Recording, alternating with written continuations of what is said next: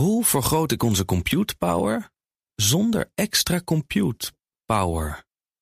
Lenklen, Hitachi Virtual Storage Partner. Lenklen, betrokken expertise, gedreven innovaties.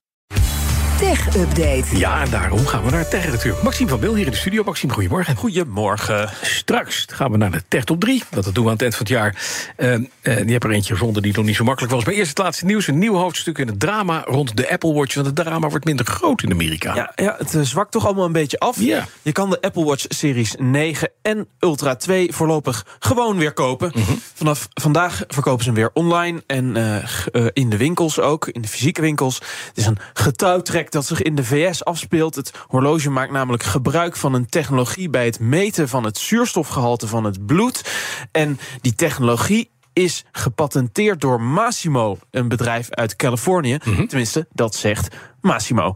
En uh, dan met name doordat Apple de medewerkers van Massimo zou hebben weggekocht en hun kennis zou hebben gebruikt. Nou, uh, het Hof van Beroep heeft besloten dat Apple voorlopig wel gewoon uh, mag blijven verkopen, zolang de zaak loopt. Apple heeft daar een speciaal verzoek voor ingediend gisteren. En nou, dat, is, dat lijkt dus nu goedgekeurd te zijn, want de verkopen gaan toch gewoon weer door.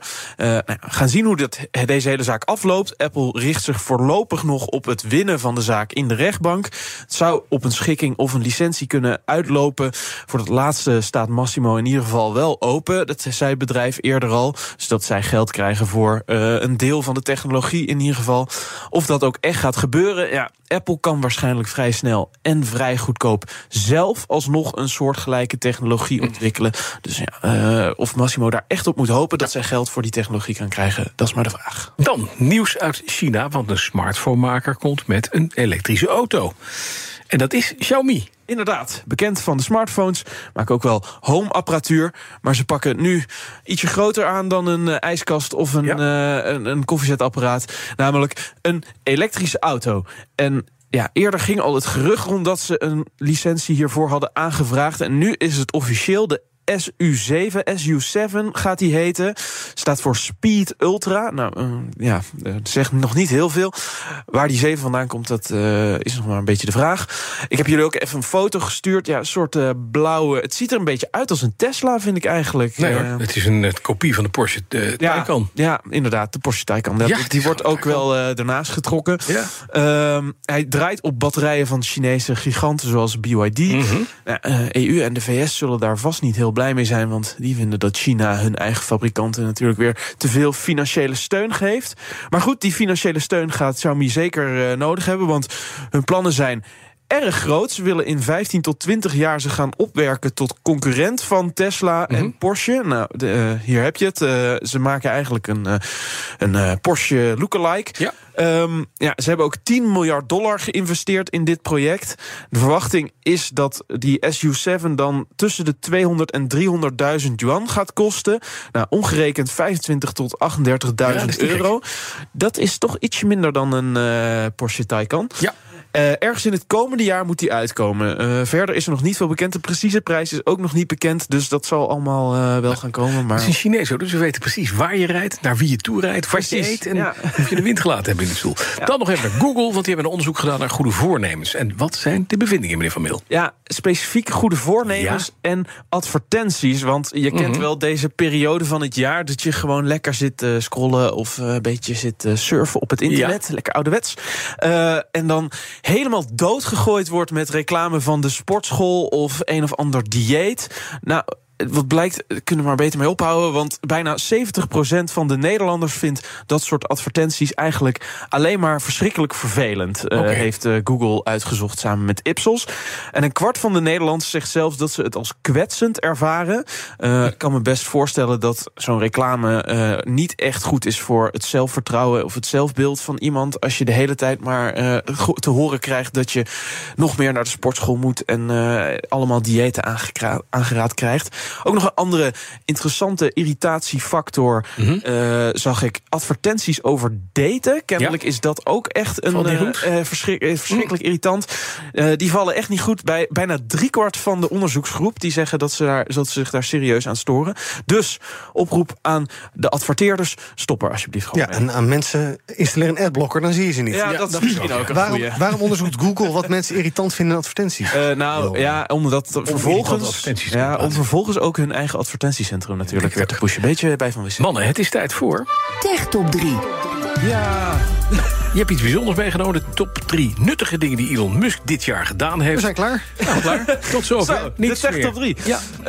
ja, het was wel diep graven. De hele Ja. tech-redactie heeft de koppen bij elkaar gestoken. Wat ons vooral bijbleef waren eh, nou, ja, eh, hoeveel onzinnige dingen er gebeurden. Zoals Maybe a social media showdown in the ring. Okay, we're talking about CEOs Elon Musk and Mark Zuckerberg. Uh, they say they're ready for a cage fight. the two tech industry's biggest billionaires are already exchanging blows online. Musk has taunted Zuckerberg through his tweets, while Zuckerberg has publicly criticized Twitter in a podcast. Ja, en natuurlijk ook de reactie op de vertrekkende adverteerders op X. If somebody's gonna try to blackmail me with advertising, blackmail me with money, go yourself. Go yourself. Nou ja, klinkt allemaal leuk, maar eh, echt nuttig was het niet. Dus hebben we heel diep moeten graven. Een soort crisisberaad kun je het bijna noemen op de tech-redactie. Maar wie zoekt, die vindt dus hier de tech top 3. Top 3 nuttige dingen. nuttige dingen. die- Nummer 3. Ja. De Cybertruck. De Cybertruck. Is die Want- nuttig, ja? ja? Ja, eigenlijk wel. Nou, nuttig. In ieder geval wel een goede ontwikkeling in de laatste tijd. Want de eerste modellen hebben een maandje geleden toch echt de fabriek verlaten. Mooi is hij niet bepaald. Eh, we concludeerden eerder dat het een soort metalen prisma was. Eh, nou ja, eh, wel indrukwekkend, want toen die aangekondigd werd... dachten de meeste mensen dat dit ding ook nooit een meter af, asfalt zou gaan zien. Ja, 600.000 mensen geloofden er wel in en bestelden er een. Toch is het gelukt om hem te gaan produceren. Vorige maand rolden de eerste modellen dus uit de fabriek. Nog niet buiten de VS, want de grote wagens mogen niet eens op de Europese weg rijden. Maar het is een begin. Hij is geproduceerd en hij komt toch echt uit de fabriek. Ik zag een foto van een Cybertruck op de Amsterdamse grachten, maar dat bleek AI Ja, dat te was zijn. hartstikke AI. Nummer 2 dan. Nuttige dingen van Elon Musk. SpaceX met een kleine 90 raketten de lucht in dit jaar. Ja, inderdaad. Eentje waar we niet zo heel veel van horen. Dit is een beetje de orde van de dag geworden. eh, Wat eigenlijk toch wel indrukwekkend is ook weer. Dankzij ambitieuze doelen van Musk... eh, wilde eigenlijk 100 lanceringen doen dit jaar. Kwam er uiteindelijk op, ik geloof een 88. Daar kunnen er nog drie bij komen als het schema goed verloopt. Eentje wordt al een aantal dagen uitgesteld vanwege slecht weer. En het is maar de vraag of dat gaat gebeuren. Ook allemaal mogelijk door de herbruikbare raketten die SpaceX heeft. Die heeft Musk natuurlijk al... Het was echt een idee van Musk van sinds 2010 al. Uh, hij heeft al 250 keer minstens raketten uit de lucht weer terug weten te halen. Ja, uh, van jaren geleden dus. Eigenlijk al een goed, goed voornemen. Uh, volgend jaar is hij nog ambitieuzer. Dan moeten er 12 lanceringen per maand gedaan worden. Ook nu al goed voor uh, 50 lanceringen naar de ruimte. En 50% van de lanceringen naar de ruimte. En ze helpen ook nog eens NASA met hun maanmissie bijvoorbeeld. Dus SpaceX doet daadwerkelijk goede dingen. En dan nummer 1. Het meest allernuttigste ooit dat Elon Musk dit jaar heeft gedaan. Dat heeft te maken met nieuwsberichten op X. Ja, hij heeft de headlines teruggebracht. Jeetje. Nadat hij ze zelf had weggehaald. Ja. Want hij deed er alles aan om eerst mensen op zijn eigen platform te houden. Een echte everything-app wilde hij ervan maken. Maar zonder succes. Gebruikers gingen massaal van Twitter af, uh, van X af.